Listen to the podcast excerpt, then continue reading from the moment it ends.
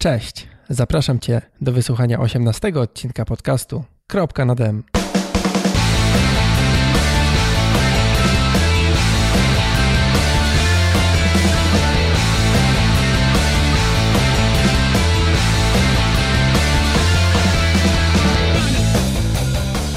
W dzisiejszym odcinku goszczę Magdę i Pawła, czyli zawodników Salomon Sunto Team, jeśli interesują Cię biegi ultra, jeśli chciałbyś czy chciałabyś zacząć na przykład yy, przygodę z czymś takim, ja nie chcę, ale jeśli Ty byś chciał, to, to, to myślę, że bardzo dużo takich taktycznych, strategicznych rzeczy możesz z tego odcinka wyciągnąć. Jeśli dla Ciebie, tak jak i dla mnie, e, świat biegów ultra to jest coś, co niespecjalnie Ci kręci, to mimo wszystko warto posłuchać tego odcinka, bo Magda i Paweł opowiadają, jakby oni nie muszą się, nie muszą kozaczyć, bo oni kozaczą na trasach i ich wyniki jakby mówią za, za nich samych. W tym odcinku, tak jak powiedziałem, będziemy opowiadali, no Magda i Paweł będą opowiadali o strategii startów, o, o taktyce nawadniania, o tym jak to wszystko wygląda, jak się przygotować. Trochę porozmawiamy o treningu, do biegów ultra i okazuje się, że nie trzeba mieć 150 km tydzień w tydzień na koncie, tylko ten trening naprawdę można racjonalnie ułożyć, poskładać jak klocki Lego i przy bardzo ograniczonym czasie, jaki mamy do dyspozycji na trening, można naprawdę fajnie się przygotować. Fajnie, ponieważ no, Dzisiejsi moi goście wygrywają imprezy w Polsce, zajmują czołowe lokaty w Europie, także no mega, mega, mega ludzie.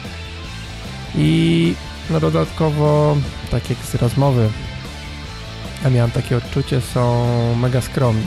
Także zapraszam Cię do wysłuchania odcinka.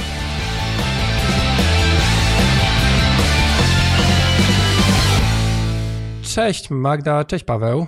Cześć. Cześć, witaj. Słuchajcie, ciężko mi było się trochę przygotować do tej rozmowy, bo co czytałem o jakiejś imprezie ultra lub y, oglądałem jakąś relację z zawodów, czy czytałem waszą relację, to co chwila mi szczena opadała i generalnie pytałem się, jak, jak to tak można, tak? I, no i ogólnie klimat typu what the fuck. Y, powiedzcie coś o sobie, skąd się u was wzięła chęć do takiego no do masochizmu, tak? Do biegania ultra i to jeszcze po górach. No taka chęć to chyba u nas rosła latami. E, prawda jest taka, że Paweł jest jakby dużo bardziej e, wysportowanym człowiekiem z natury. E, pochodzi z rodziny, w której uprawiało się sport. Jego tato był wyśmienitym biegaczem, którego nie dogonimy na pewno. Mm, więc jakby tradycje sportowe w rodzinie miał od początku. Ja natomiast byłam wrogiem biegania przez długie lata, ale mm, z kolei jako dzieciaki bardzo dużo jeździliśmy w góry, uwielbialiśmy spędzać czas w górach. Mm, dużo jeździliśmy na rowerach, jeździliśmy na różnego rodzaju wyprawy. Byliśmy bardzo aktywnymi harcerzami. W związku z tym skłonność do aktywności mniej lub bardziej profesjonalnej mieliśmy od dziecka.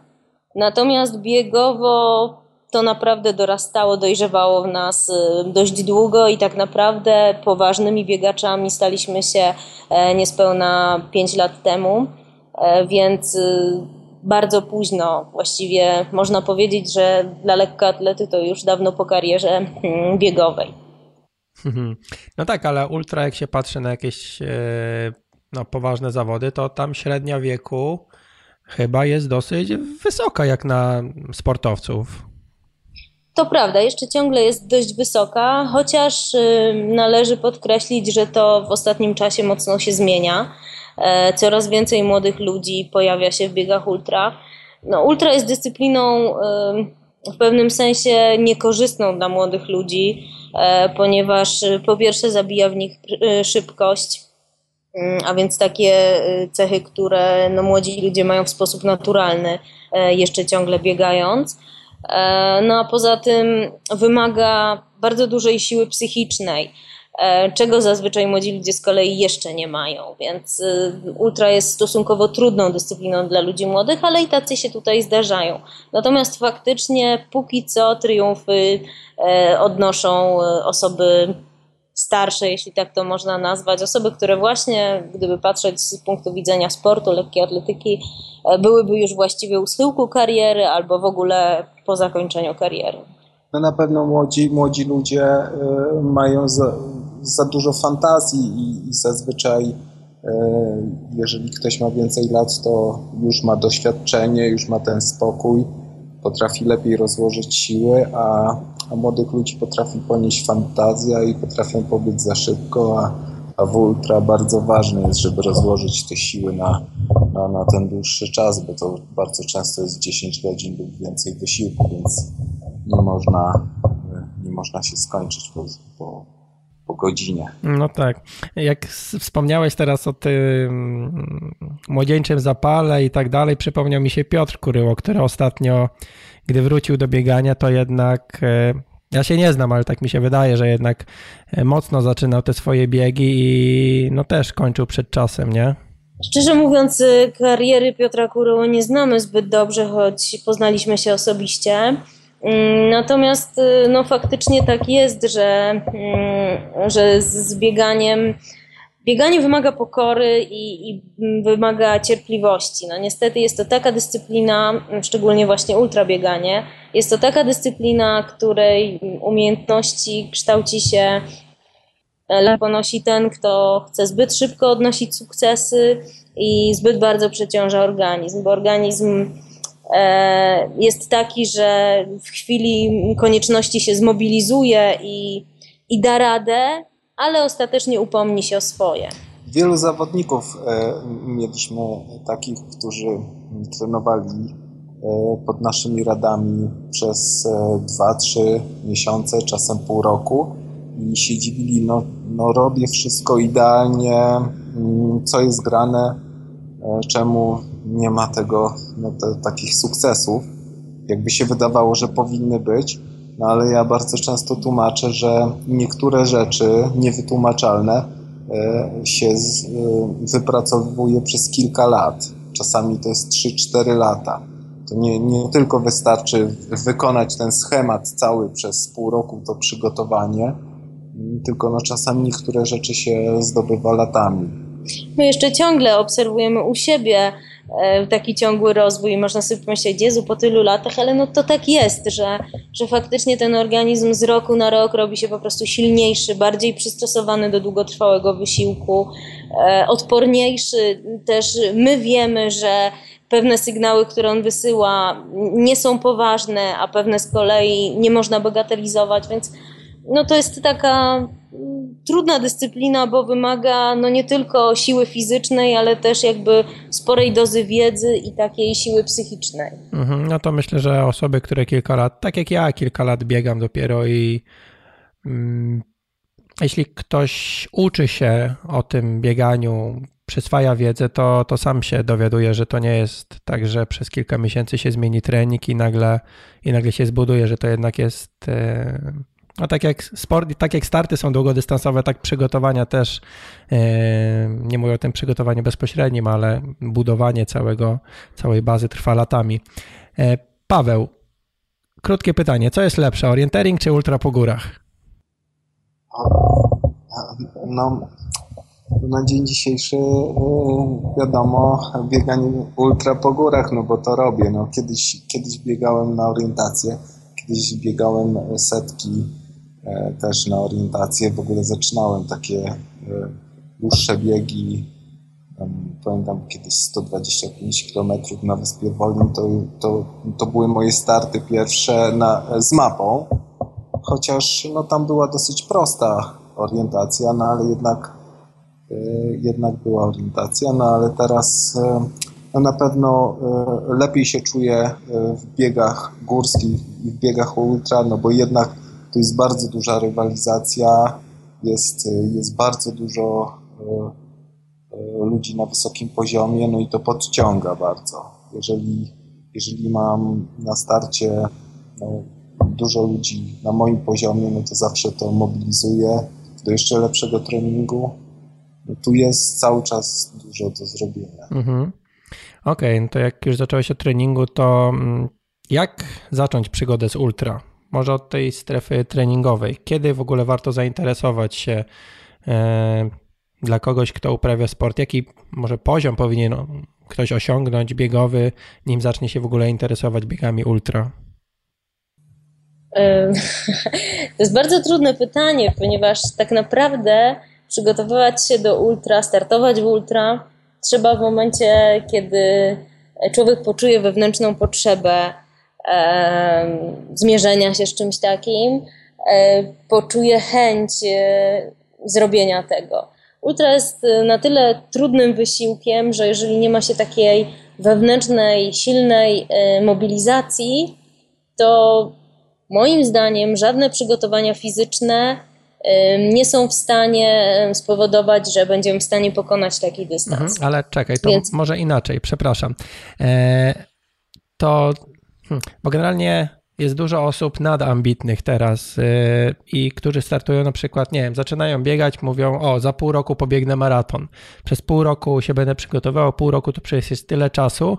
Faktycznie przepracują pół roku, ale organizm nie jest y, przygotowany do tego wysiłku, jakim jest maraton. E, przynajmniej no, ja mam, ja, ja w to wierzę.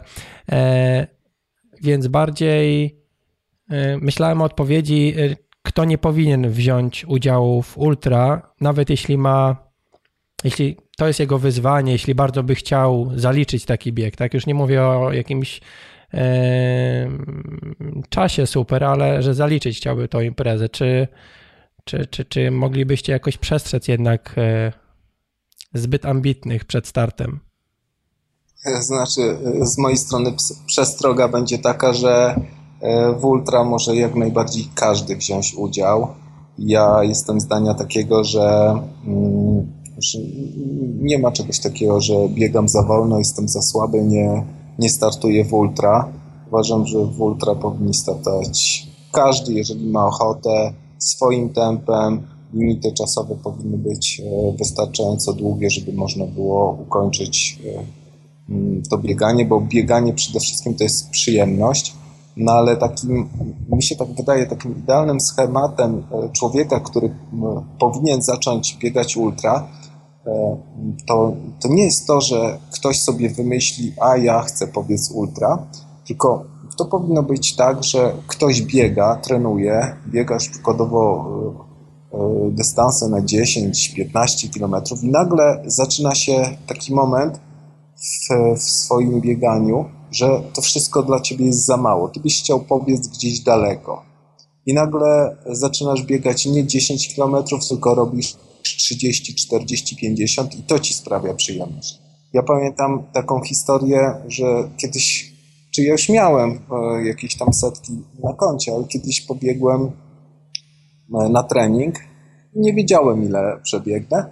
Pobiegłem na trening, zrobiłem mniej więcej 40 45 km w jedną stronę i tak mi się dobrze biegało, że e, e, że, że no, no pobiegłem bardzo daleko. Zacząłem wracać i się okazało, że nie mam siły wrócić bez jedzenia, bez picia. Musiałem dzwonić po Magdę, żeby po mnie przyjechała. Myślę, że wielu ludziom się to, to zdarzyło, że pobiegło za daleko, ale to jest właśnie taka wewnętrzna potrzeba, żeby pobiec jeszcze więcej, jeszcze dalej. Że po prostu tak lubisz biegać, że biegniesz daleko, daleko i, no i może być problem z powrotem.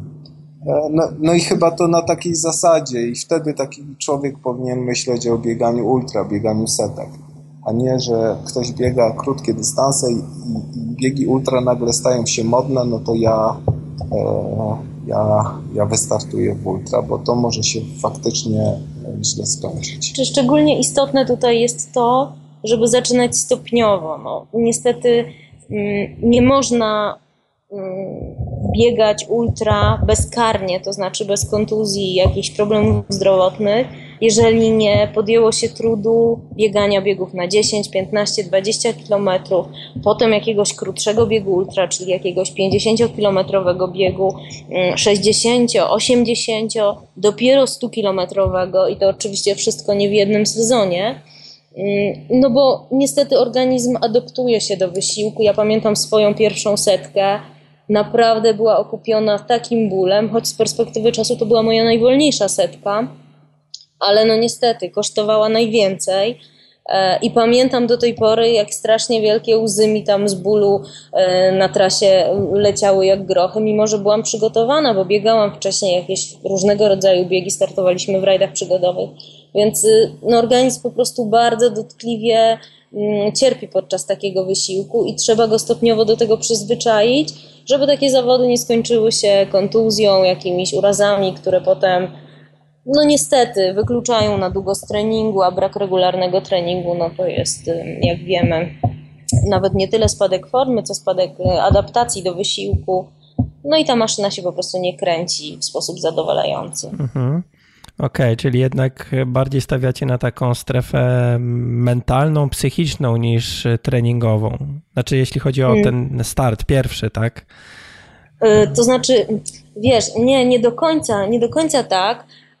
Oczywiście ta sfera fizyczna jest bardzo ważna, tylko prawda jest taka, że fizycznie bardzo często dużo ludzi trenuje dobrze, to znaczy dobrze. No, różne są metody treningowe, różne są możliwości treningowe różnych ludzi, bo, bo każdy inaczej pracuje, inaczej ma zorganizowane życie prywatne.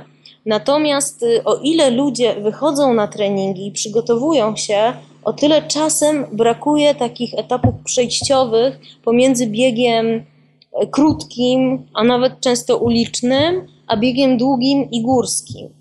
E, nie ma takiego, mm, takiego testu, powiedziałabym, na trasach krótszych i czasami zbyt szybko postępuje zmiana dystansu i zmiana terenu. E, my stawiamy na to, żeby po prostu nie tylko trenować, ale też startować na urozmaiconych trasach, e, po to, żeby się właśnie e, trochę oswajać ze swoim organizmem w tej strefie no, niekomfortowej dla organizmu, bo jednak na treningu zawsze jest bardziej komfortowo. Można zadzwonić, żeby ktoś przyjechał, można się zatrzymać.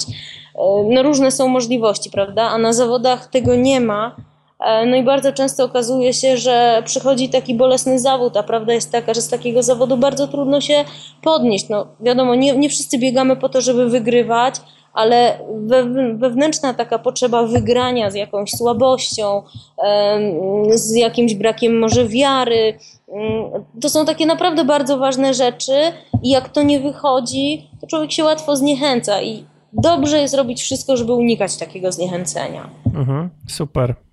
E, okej, okay, a jeszcze biorąc na, na patelnię te osoby, które chciałyby zacząć, oczywiście ta osoba biega, zakładamy, od iluś lat biega, co byście polecili e, ze sprzętów? Co po, warto się zaopatrzyć, jeśli ktoś chce zacząć startować e, w ultra i powiedzmy ma za sobą bieg jakiś na 50 km, złapał tego bakcyla i, i wie, że to jest to, co on chce robić przez następne lata, czyli startować w ultra? W ultra chyba na, najważniejsze są dwie rzeczy. Myślę, że Paweł się ze mną zgodzi. Buty i plecak. To są dwie rzeczy takie, które bezwzględnie muszą być na naprawdę wysokim poziomie. Ponieważ e, no, buty, e, pomijam tutaj, jednym odpowiadają minimalistyczne, inni potrzebują mnóstwa amortyzacji, to trzeba dostosować do własnych potrzeb, preferencji i przekonań, mm, ale one muszą być bezwzględnie dobre, absolutnie niedziurawe, co się czasem zdarza.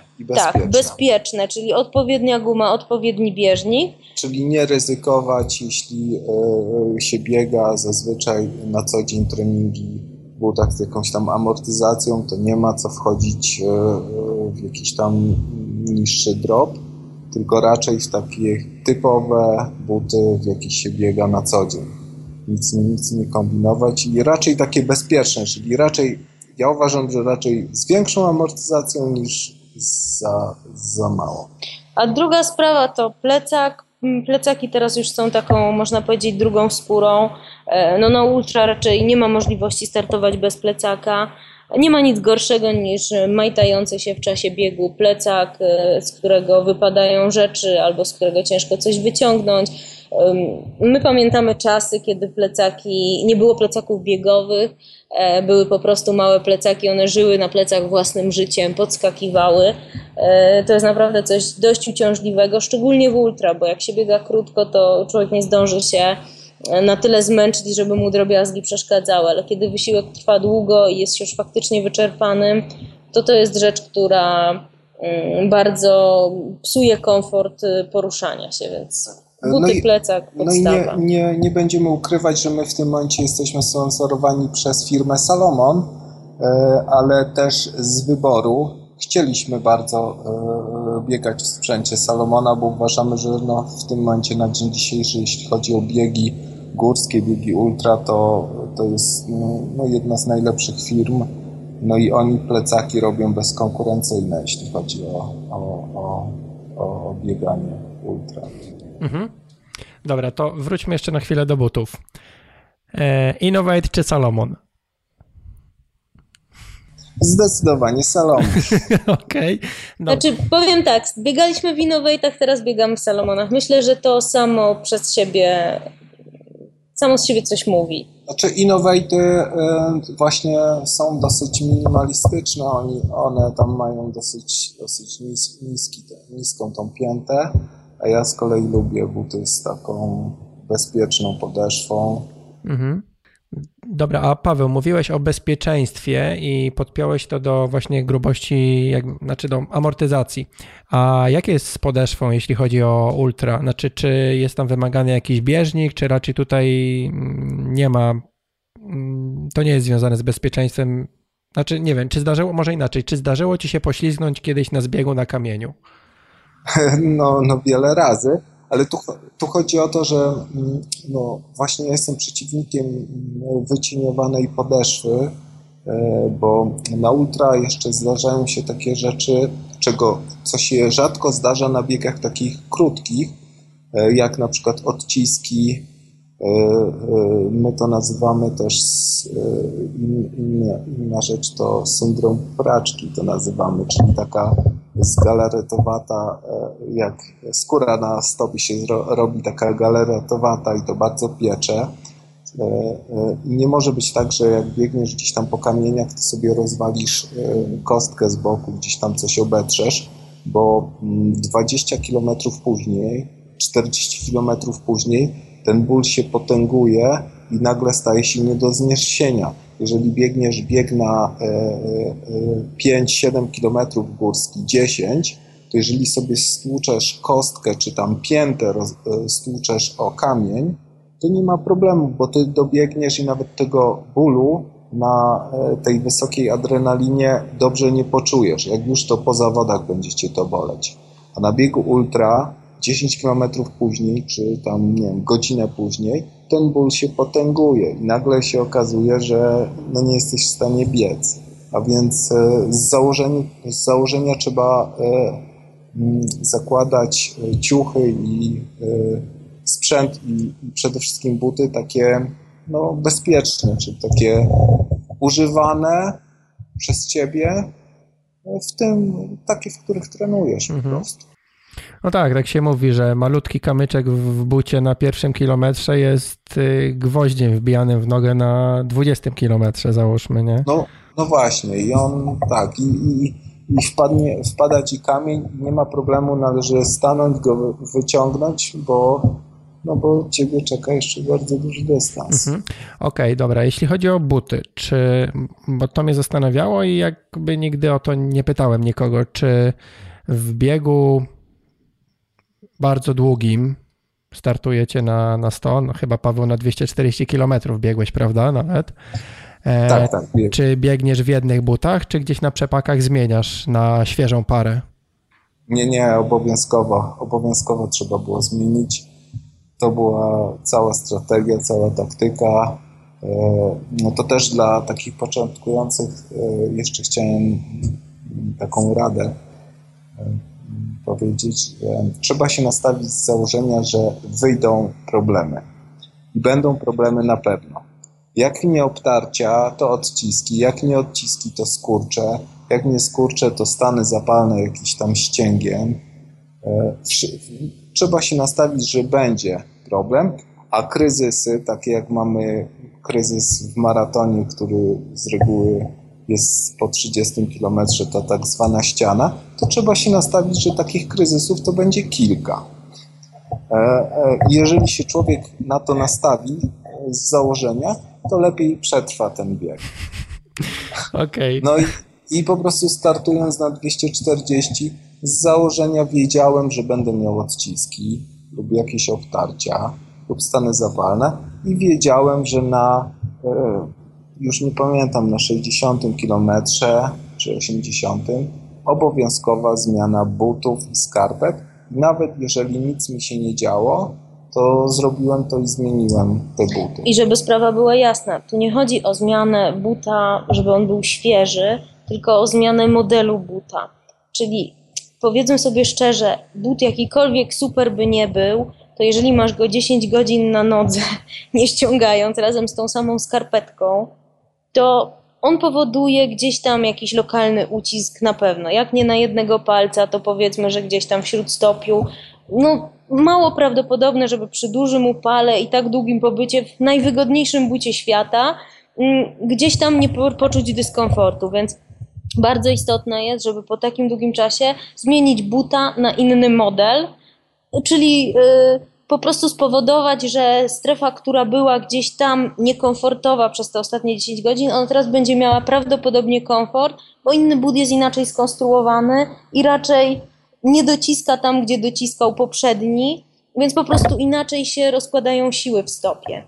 E, to jest szczególnie ważne, jak, no właśnie tak jak na 240 km Paweł, Paweł biegł ponad 30 godzin, bo jak biegnie się 100 km i biegnie się 10 godzin, no to nie ma problemu, szczególnie jeżeli nie ma e, zmiany warunków pogodowych, bo tutaj dodajmy, że szalenie istotną e, sprawą jest zmiana butów, jeżeli na przykład na początku zawodów było mokro, a potem robi się gorąco i sucho. No to jest szalenie istotne, żeby, żeby przebrać buty, bo, bo umówmy się, że mokry but, który nagle, i stopa mokra, która nagle dostaje wysoką temperaturę, no to no zaparza się. No, większość ludzi, która ma dzieci, no to doskonale wie, co się dzieje z, z dziećmi w takich sytuacjach. No super się dba o to i dokładnie tak samo trzeba zadbać o stopę, bo ta stopa przez kolejne 20 godzin będzie cały czas tłuczona o ziemię. Więc, mm, więc szalenie ważne jest, żeby przewidywać, co się stanie, żeby nie iść na żywioł i że teraz jest super, jestem na fali, lecę, tylko trzeba umieć sobie wyobrazić, że te zawody są szalenie długie. Szczerze mówiąc, przedtem, jak Paweł mówił, miałam ochotę powiedzieć, że to, jest, to 240 kilometrów, te wszystkie kryzysy, problemy i tak dalej, to jest takie życie od urodzenia do śmierci.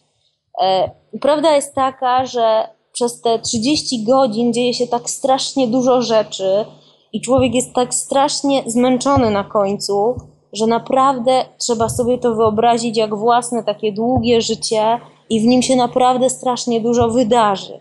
I nie można do tego podchodzić w taki sposób, że a, wystartuję, będę bieg, bieg, pach i meta. Nie, to będzie szalenie długo organicznie trwało i trzeba przewidywać każdy kolejny etap, na którym właśnie dokładnie tak jak Paweł powiedział, będą wychodzić kryzysy, będą się zdarzały niedogodności, ponieważ ten wysiłek po prostu trwa tak długo, że postawię wszystko, co mam że, że każdemu coś wychodzi, coś niespodzianego się e, przytrafi. I trzeba być pogodzonym, trzeba mieć w głowie już przed startem, że to się wydarzy, bo jak przychodzi na takich zawodach, kiedy człowiek jest zmęczony, taka sytuacja, to człowiek się po prostu poddaje, nie umie sobie poradzić, jest już na tyle wykończony, że jeszcze tąpnięcie i, i ma ochotę się poddać. Z tym trzeba być pogodzonym, to się na pewno przydarzy. Czyli oczekiwać najgorszego po prostu, a, a może będzie lepiej. Tak, dokładnie. E, wspominaliście o plecaku mm, z doświadczenia. Na co warto zwrócić, zwrócić uwagę przy zakupie tego plecaka? Na rozmiar. Szalenie ważne jest, żeby odpowiednio dobrać y, rozmiar plecaka. Dzisiaj plecaki są już rozmiarowane. Bardzo często ludzie skarżą się i można mm, zobaczyć na starcie zawodów osoby z pozaklejanymi plastrami e, na szyjach, bo plecak gdzieś tam piłuje. No, nie ma problemu, jeśli biegnie się 20 km czy 30, ale jeśli się biegnie 30 godzin i ten plecak przez 30 godzin cały czas piłuje, to łatwo sobie wyobrazić, e, do czego on się tam dopiłuje. Więc strasznie ważne, żeby rozmiar był dobrany na osobę, tak jak należy. Poza tym, żeby jego pojemność była dobrana adekwatnie do potrzeb. nie ma potrzeby nosić ze sobą wielkiego plecaka, jeśli zakłada się zabierać ze sobą tylko picie i na przykład kilka żeli. I wprost przeciwnie, nie można wziąć maleńkiego plecaka i upakować kieszeni tak, że potem nie jesteśmy w stanie nic z nich wyciągnąć, bo wszystko po prostu się katapultuje, e, no bo kieszenie są po prostu przeładowane, prawda? Nie jesteśmy w stanie potem papierka dopchnąć, bo dopychając go wszystkie wyskakują jak z procy. Więc bardzo ważne jest, żeby dopasować go do, oczywiście ja wiem, świetnie się to mówi, kiedy ma się do wyboru wszystkie dostępne modele plecaka slabowego. Wiem, wiem, że, że, to, że to może z mojej strony mm, brzmi tak kuriozalnie, ale należy zwracać na to uwagę, ponieważ bardzo często jest tak, że leżą te plecaki ludziom na półkach, wbrew pozorom oni często mają ten sprzęt, ale zazwyczaj biegali z tym i bez zastanowienia, jakoś tak bezrefleksyjnie biorą ten sam, po czym się okazuje, że on jest niedostosowany, bo na przykład teraz pada, więc trzeba wziąć kurtkę, rękawiczki, bo jesteśmy w Tatrach wyżej w górach i nagle się okazuje, że te dwie małe kieszonki są za małe mm, i mamy problem, gdzieś tam upychamy po kieszeniach i jest z tym kłopot. No i trzecia sprawa, mm, żeby ten plecak był w stanie pomieścić y, odpowiednią ilość picia.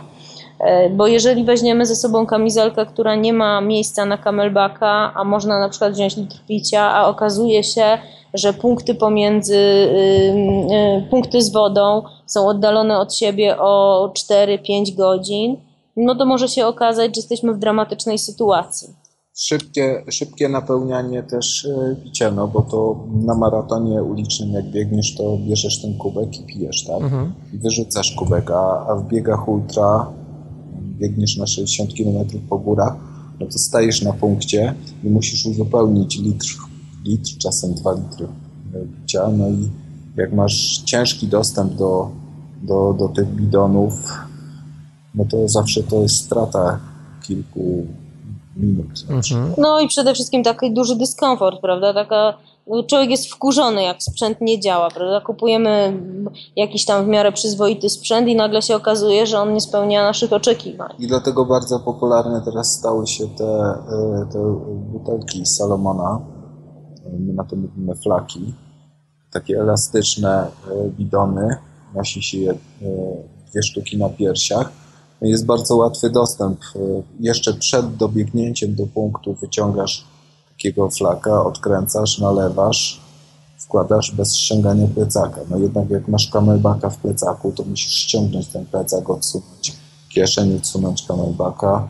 Zawsze to dłużej schodzi no i jest tam zawsze ta minuta, dwie straty. No to i... też warto przetrenować w mhm. ogóle. E, jeśli się już chcesz ścigać gdzieś tam, e, nazwijmy to w czołówce, to, to, to dobrze jest przetrenować w ogóle. No i jeszcze sprawa posiadania wiedzy na temat ilości posiadanego picia. E, z kamelbakiem jest ten problem, że zawsze nie wiemy, kiedy nagle źródło wyschnie. E, mając y, dwa flaki na klatce piersiowej, dokładnie jesteśmy w stanie kontrolować ilość picia e, posiadaną na trasie. Ja osobiście bardzo uważam, żeby jak wiem, że mam dwugodzinny odcinek, to sobie mówię jeden na, e, jeden na godzinę i absolutnie więcej, żeby nie doszło do sytuacji, kiedy potem trzeba godzinę biec zupełnie bez picia, prawda? My, uważa, my uważamy, że błędem jest, gdy dobiegasz do przepaku, i masz przykładowo jeszcze litr picia, mhm. to, znaczy, to znaczy, że za dużo wziąłeś tego picia.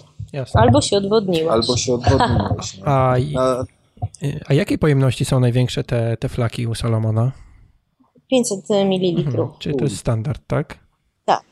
Znaczy, no większe też y, byłyby chyba nieporęczne do dźwigania, bo już te pół litra to jest tak dość mhm. dużo, jeśli chodzi o obciążenie takie z przodu. Mhm. Tak jak mówiłeś, Paweł, o, o tym, żeby przetrenować ten przepak czy napełnianie różnych rzeczy, no to to jest podobnie jak z triatlonem, że też te strefy zmian trzeba, trzeba trenować, żeby później nie tracić cennych minut, bo gdzieś nadrobić minutę na wbiegu na 10 km, czy nawet w, no, w półmaratonie może łatwiej, tak, ale jeśli biegniemy na odcięciu i no, mówi się głupią minutę, tak, ale pobiegnij później tą minutę szybciej, no ciężko, tak. Mhm. Także jak najbardziej, jeśli ktoś chce się ścigać, no to wszystkie detale później trzeba zgrać i przećwiczyć. Mm, jeśli chodzi o, o plecaki jeszcze, no wydaje mi się, że no wiadomo, większość osób porównując ofertę sobie będzie patrzyło na jakieś dane techniczne, a jednak krytyczne jest wtedy to dobre dopasowanie. Czy można, będąc w sklepie, przymierzyć plecak i stwierdzić, że on nas nie będzie obcierał? Myślę, że tak. No to jest trochę tak jak z butem, wiesz, jeżeli zakładasz go na powiedzmy względnie podobny do startowego stroju ciuch, czyli po prostu na cienką koszulkę, żebyś czuł, czy on ma twarde szwy, czy nie ma. Wiesz, diabeł tkwi w szczegółach, bo czasem jest tak, że założysz na bluzę plecak i wydaje się, podskoczysz w nim dwa razy i myślisz, o super się trzyma, prawda? Po czym zakładasz go na gołą skórę i okazuje się, że on jest z jakiejś takiej twardej tkaniny, która w kontakcie ze skórą właśnie powoduje ocieranie, jakieś takie bolesne rany. E, nie będę mówić u kogo, ale widziałam osobiście takie krwawe ślady e, na klatce piersiowej. No to jest no, dramatyczna sprawa i to po zawodach długości maratonu. No setki sobie nie wyobrażam, dopiłowana chyba byłaby skóra do zera. Mhm. E, więc szalenie ważne, żeby sprawdzić miękkość tkanin, rodzaj szwów, czy ten plecak nie odstaje. Czasem jest tak, że niektórzy zapinają plecak i wchodzą z założenia, że a spoko nie, trzeba założyć, trzeba sobie umieć wyobrazić, a nawet wręcz sprawdzić, co będzie, jeśli ja wypcham ten plecak. Bo może się okazać, że ten plecak jest pusty i my go już zapięliśmy ledwo co, a jak go dopchamy, czyli dołożymy dwa flaki, włożymy kurtkę i inne sprzęty, to się okaże, że będziemy mieć problem z dopięciem się w nim, że on będzie gdzieś tam pił, więc trzeba trzeba sobie umieć wyobrazić, w jakich warunkach on będzie eksploatowany. Ale tak, generalnie jest tak, że zakładasz plecak i czujesz, on jest super albo nie. Nie zdarzyło mi się jeszcze tak, żeby, żeby ubrać i, i, i potem się zdziwić, że, mhm.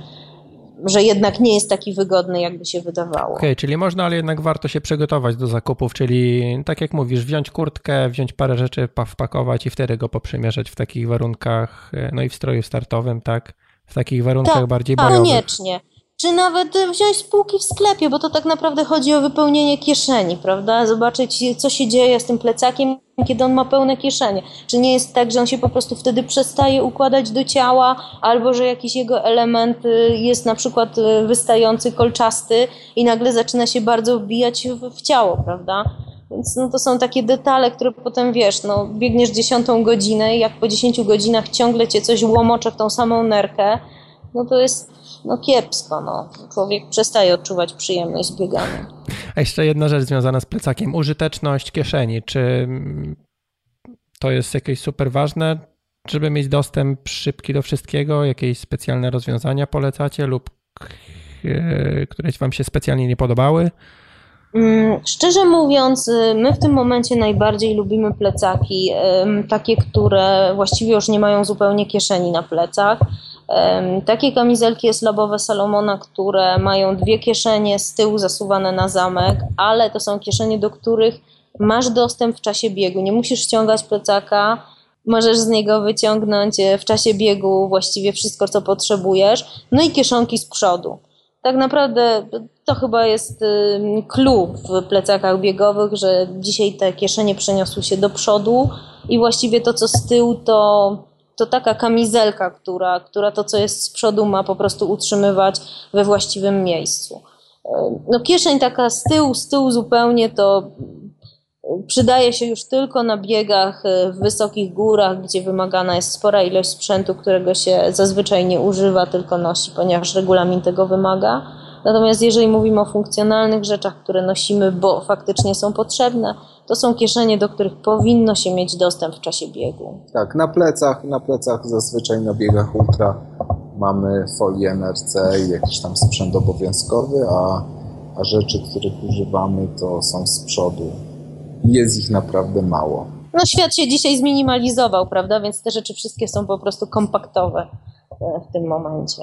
Jasne, czyli co w takim, nie wiem, biegu rzeźnik powiedzmy, tak? Dla was, dla was 8 godzin, dla innych 12. Y, co jest w kieszeniach z przodu? Żele? W kieszeniach picie? z przodu są tylko żele i picie. Mhm, okej. Okay. E ewentualnie w kieszeni bocznej jeszcze mamy malutką kur kurteczkę no tak, ale to nie z przodu. Tak. E, malutką, cieniutką kurteczkę na wypadek, gdy biegniesz na południnę caryńską, a tam nadchodzi burza to zakładasz tą kurtkę, ale też tą kurtkę zakładasz pewnie na 20 minut, żeby jak już biegasz, to już ściągasz tę kurtkę. Mhm. Dobra, czyli buty i, i, i, i plecak jako te rzeczy najważniejsze, a nie wiem, kurtka, czołówka, jakieś kompresje, kijki, okulary? Mm, kijków nie używamy już dłuższą chwilę. Okulary zazwyczaj mamy na głowie. Nie zabieramy raczej okularów na zawody, na których się ich nie nosi na głowie. E, natomiast e, jeśli chodzi o wszelkiego rodzaju takie drobiazgi, które mogą się przydać na zawodach, czyli na przykład telefon, chusteczki, jakieś e, dodatkowe, nie wiem, jedzenie. To są rzeczy, które mamy w zasuwanych kieszeniach, ale w zasuwanych kieszeniach, do których mamy dostęp podczas zawodów właściwie cały czas. Czyli nie przechowujemy rzeczy gdzieś tam z tyłu na wypadek W. Jeśli chodzi o czołówkę, no to to też jest tak, że tą czołówkę używa się w określonych momentach zawodów. No przykładowo rzeźnik to jest tak naprawdę pierwszy odcinek i biegniemy z tą czołówką na głowie od początku do końca i zostawiamy na przepaku. Raczej nie zadajemy sobie trudu na zawodach, żeby gdzieś tam upychać po kieszeniach y, przedmioty. No chyba, że faktycznie zanosi się na dłuższe bieganie, bo na przykład jest wymagana, prawda? A w naszym przypadku, jeśli chodzi o jedzenie, to też nie ma y, za ciekawie Mm, bo nie mamy zróżnicowanego jedzenia, tylko jemy cały czas żele od, od, od dwóch, trzech lat. Po takich większych problemach żołądkowych, kiedy y, Magdzie się raz nawet na y, Gran Canaria zdarzyło zejść z zawodów z powodu problemów żołądkowych.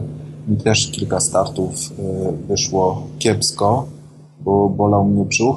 Od tego czasu doszliśmy do do tego, że najlepiej przez całe zawody nie jeść nic, tylko żele energetyczne. Wychodzimy z założenia, wychodzimy z założenia, że zawody to nie biba e, i nie startujemy w nich, żeby się popasać, tylko żeby po prostu maszyna dobrze funkcjonowała, maszyna dobrze działa na dobrym piciu, dobrym jedzeniu i tym dobrym piciem, dobrym jedzeniem to są e, izotoniki i żele a jak ucztować to po zawodach, jak jest co. Mm, dawniej faktycznie kombinowaliśmy z różnego rodzaju żywnością podczas biegów, no ale faktycznie przynosiło to marne efekty i, i teraz już nie eksperymentujemy, jesteśmy faktycznie bardzo nudni w tym temacie. Trzy smaki żelo na zmianę w kołowrotku. No to pełen profesjonalizm, ale próbowaliście, nie wiem, banany, coś takiego, czy jeszcze coś ciekawszego?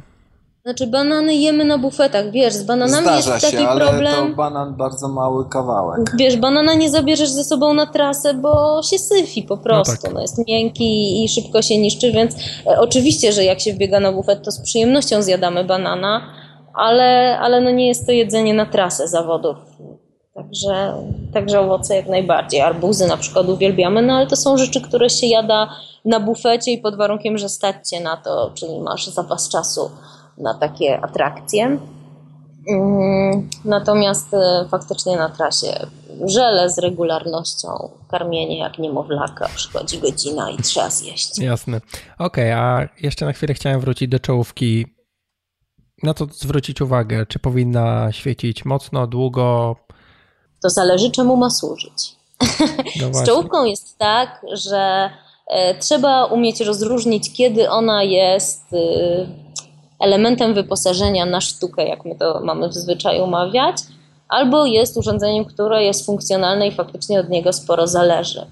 Mm, my bardzo często na zawodach używamy no, latarek, które właściwie prawie światła nie dają, bo wychodzimy z założenia, że jak się biegnie zawody, w których nie ma możliwości, żeby mnie zmrok dopadł, to nie ma też potrzeby nosić jakiegoś światła, które cokolwiek daje. Ważne, żeby ono się dobrze układało w plecaku, nie gniotło, było malutkie, e, nie przeszkadzało, w razie czego zadziałało. No powiedzmy, że jak dopadnie mnie noc na zawodach, na których nie planowałam, to znaczy, że już tak się wlekę, że w marszu to byle telefon da mi wystarczająco dużo światła. Natomiast jeżeli faktycznie światło jest potrzebne, to my chyba od dłuższego czasu, już od kilku lat używamy namiętnie latarek, które same się dopasowują do, do zmroku. e, do poziomu ciemności. Tak, I podchodzimy do tego profesjonalnie, czyli jeżeli wiemy, że start jest o 12 w nocy, jasno robi się o 5, e, czyli e, latarka ma świecić 5 godzin, Magda na komputerze ustawia w latarce, że ma się świecić maksymalnym swoim światłem przez 5 godzin i startujemy z taką latarką. Mm -hmm. Okej, okay, a jakie jest zbieganie wtedy w nocy po górach? Tutaj pytam bardziej o bezpieczeństwo, o jakieś kontuzje.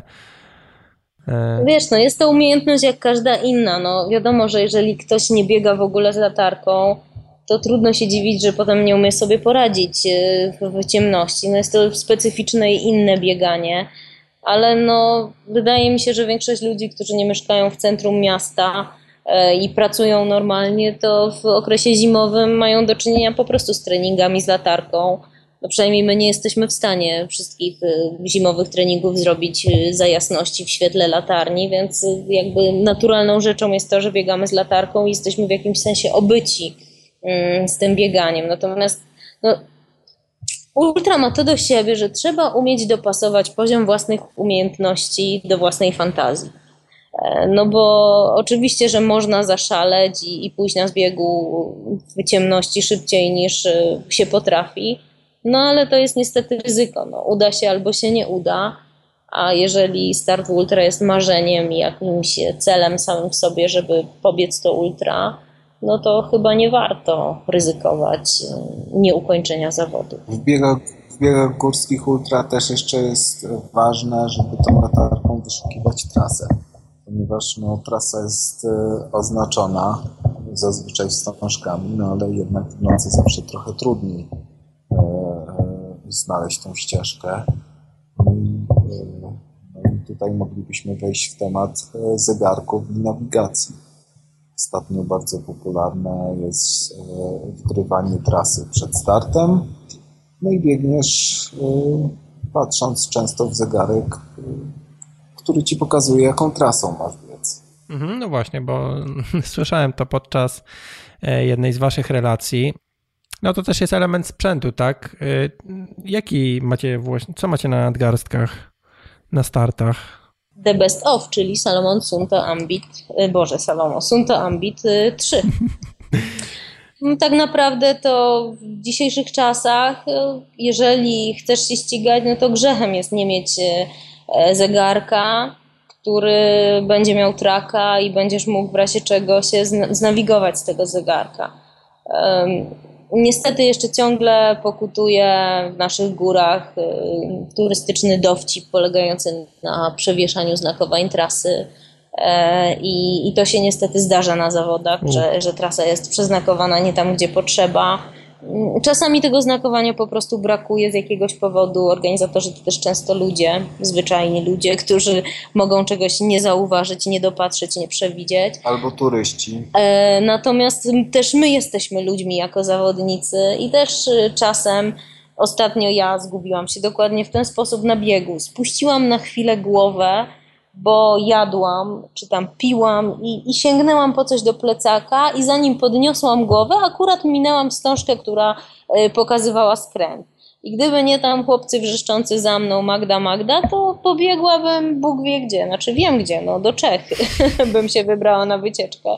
Więc jakby, no naprawdę trak, y, oczywiście zaraz bym spojrzała na zegarek, ale akurat to był taki moment newralgiczny skrętu, no i strasznie łatwo przegapić, więc no dzisiaj w ultra jednak zegarki i traki to jest y, już można powiedzieć codzienność. Jeszcze niewiele czasu temu to był wielkie wow i coś nietypowego. Mhm. Dzisiaj to już zaczyna być standardem i ja osobiście bardzo polecam.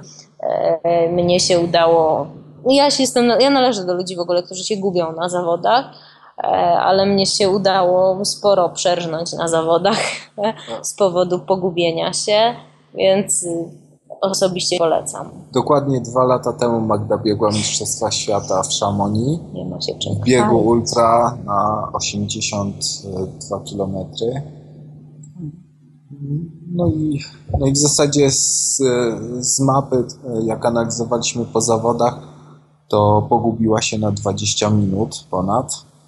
E, nie licząc wysiłku i, i, i ogólnego zamieszania, no to przegrała, zajęła trzecie miejsce ostatecznie, ale przegrała z Emily Forsberg właśnie. Dokładnie 20 minut. Oczywiście nie ma co spekulować, w życiu bym z nią nie wygrała, ale niemniej jednak to jest taka bolesna nauczka, że no, zgubić się na trasie zawodów to jest y, kiepska historia. No tak. A na, najbardziej bolesne w tym wszystkim było to, że razem ze mną zgubił się chłopak, który pobiegł za mną i widziałam taki no, ból w jego oczach. On miał prawie łzy w oczach, jak mu mówiłam, że to nie jest dobra droga i musimy wracać. No, po prostu straszne wpakowałam go na straszną minę i było mi szalenie przykro, że po prostu taką rzecz mu zrobiłam, bo, bo widziałam, jak strasznie go to dużo kosztuje psychicznie. No tak, ale jest to sport indywidualny, nie? Każda odpowiada za siebie. To prawda. No.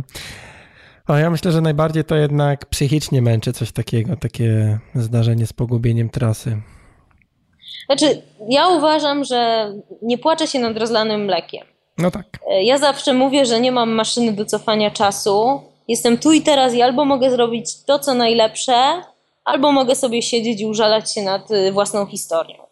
Więc y, zawsze sobie mówię, że to, co, to, na co mam wpływ, to to, co przede mną. To, co za mną już się zdarzyło, mogę z tego zrobić coś fajnego albo coś żałosnego.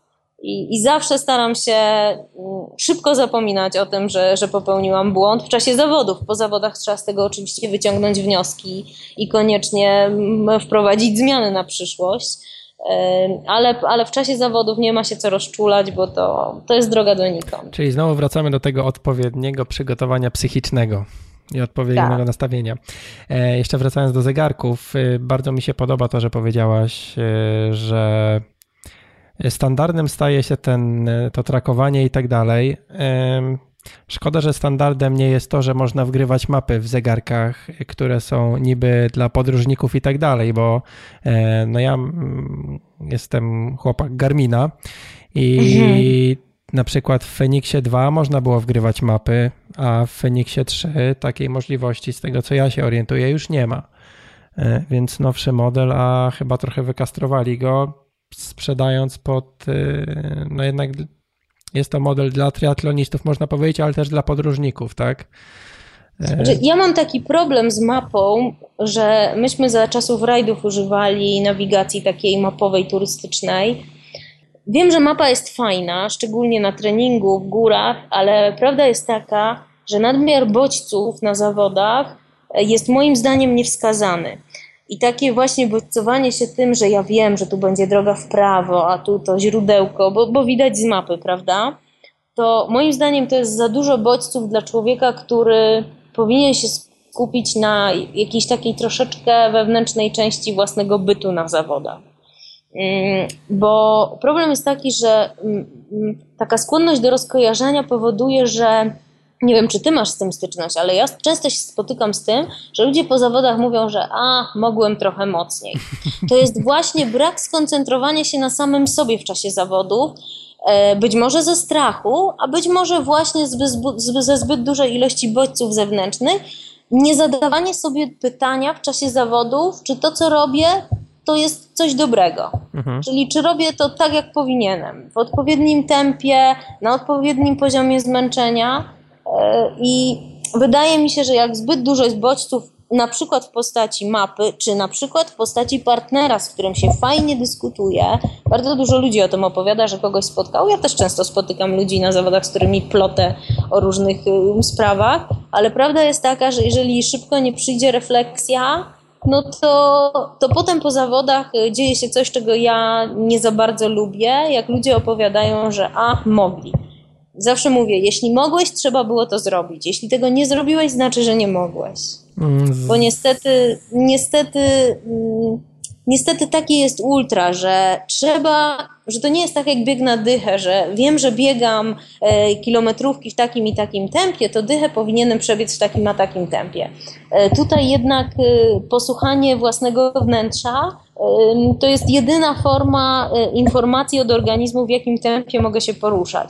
Jeżeli zagłuszasz różnymi bodźcami to własne wnętrze, no to okazuje się, że właśnie albo przeszarżujesz, bo z kimś za mocno poleciałeś, albo się wleczesz, bo właśnie oglądasz mapy, dyskutujesz, gdzieś tam zwiedzasz niepotrzebnie okolice, bo, bo, bo nie pilnujesz trasy.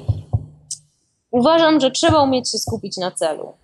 Znaczy, skupić tak, zgadzam się z tym jakby połowicznie. Znaczy, rozumiem, co miałaś na myśli, ale e, generalnie po to mamy zegarki, żeby właśnie wiedzieć, czy, czy to jest to tempo, czy to jest ta intensywność, która być powinna w danym, na danym etapie, ale mi akurat te wszystkie dane o tyle pomagają, czy taka mapa podejrzewam, żeby, żeby mi pomogła, bo to jest coś, czym można zająć głowę, zamiast myśleć o zmęczeniu. Mówię to ja, jako osoba, która właśnie psychicznie kiepsko mm, toleruje taki bardzo długi wysiłek, typu maraton czy dłużej.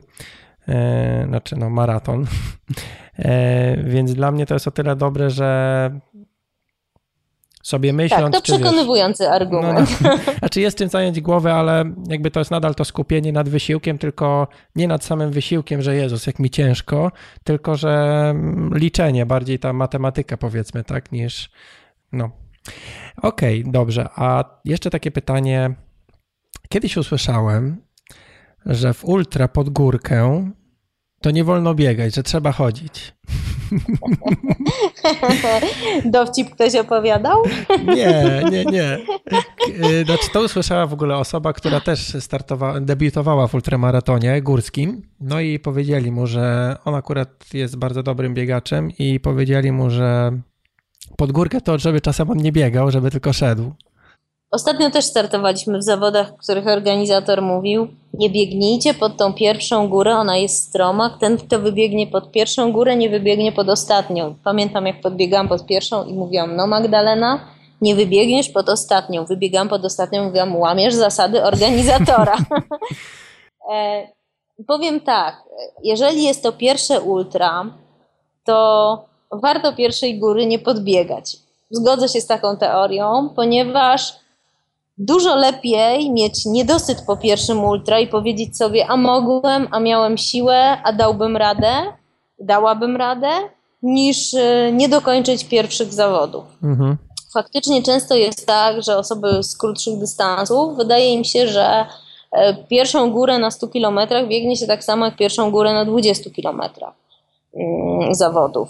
No, nie, jest to, nie jest to prawda, te tempa są inne trzeba organizm zupełnie inaczej prowadzić podczas takich zawodów. Mm, natomiast, y, no nie, no oczywiście, że jak są dobrzy biegacze, to biegają od pierwszego podbiegu do ostatniego i, i zupełnie im to, no tak musi być po prostu, są to zawody biegowe. Ale nie zmienia to faktu, że osoby, które zaczynają, myślę, że szczególnie pierwsze podbiegi powinny faktycznie podchodzić, żeby troszeczkę się oswoić z tym, co się wydarzy później, żeby nie doszło do porażki w postaci zejścia z trasy. Chociaż czasem i zejście z trasy jest dobrą metodą naukową, ale myślę, że nie warto w ten sposób rozpoczynać kariery w ultra. No i też no i też prawda jest taka, że e, jak matematycznie podejdziesz do tego, to czasami e, maszeruje się pod górę szybciej niż, niż biegniesz. Trzeba umieć podbiegać, żeby faktycznie biec szybciej się niż się idzie. Tak. To jest prawda. To jest prawda po prostu taka, której nie da się podważyć, że, że trzeba umieć biegać pod górę, żeby to bieganie było szybsze niż chodzenie. Czyli to taka rada dla leszczy, jak ja na przykład. I generalnie wracamy do tego, co Paweł Wiesz mówił. co, nie, nie, nie śmiałabym się. Powiem szczerze, że nie uważam, że to jest rada dla leszczy. To jest rada dla rozsądnych ludzi, ponieważ mhm. bardzo często ci leszcze Potem oganiają fantastów, którzy po prostu pierwszą górę wybiegli w tak kosmicznych prędkościach, że wydawało się, że po prostu rozniosą góry, a potem okazywało się, że. Że po płaskim nie jest w stanie. Tak, że, że, że po prostu powłóczy nogami, więc nie nazywałbym tych ludzi lesz, leszczami absolutnie. Jasne, żartowałem. E, znaczy wracamy w sumie do tego, co Paweł na początku mówił, czyli rozkład sił, tak? To z tego wszystko się bierze i no tak jak mówi, że to pewnie, no jednak rada dla osób, które, dla których to jest nowość, tak? Tak, tak. Dla których, które po prostu nie do końca wiedzą, jak te zawody się potoczą, no warto po prostu zostawić sobie fantazję na kolejne zawody. Wow, to już koniec jest y, pierwszej części tego wywiadu. Jako, że rozmowa nam się trochę przeciągnęła, to zdecydowałem się podzielić ten, ten, ten, ten wywiad na, na dwa odcinki. Kolejny będzie podobnej długości i pojawi się już za dwa tygodnie. Magda i Paweł wymieniali parę rzeczy podczas tego odcinka, linki do, do tych produktów właściwie, które e, oni wymieniali pojawią się w notatkach do tego odcinka, także zapraszam również Ciebie na, na mojego bloga, e, a notatki do tego odcinka podcastu znajdują się pod adresem ironfactory.pl ukośnik 018 jak 18 odcinek tego podcastu. A tymczasem ja się żegnam. Na razie.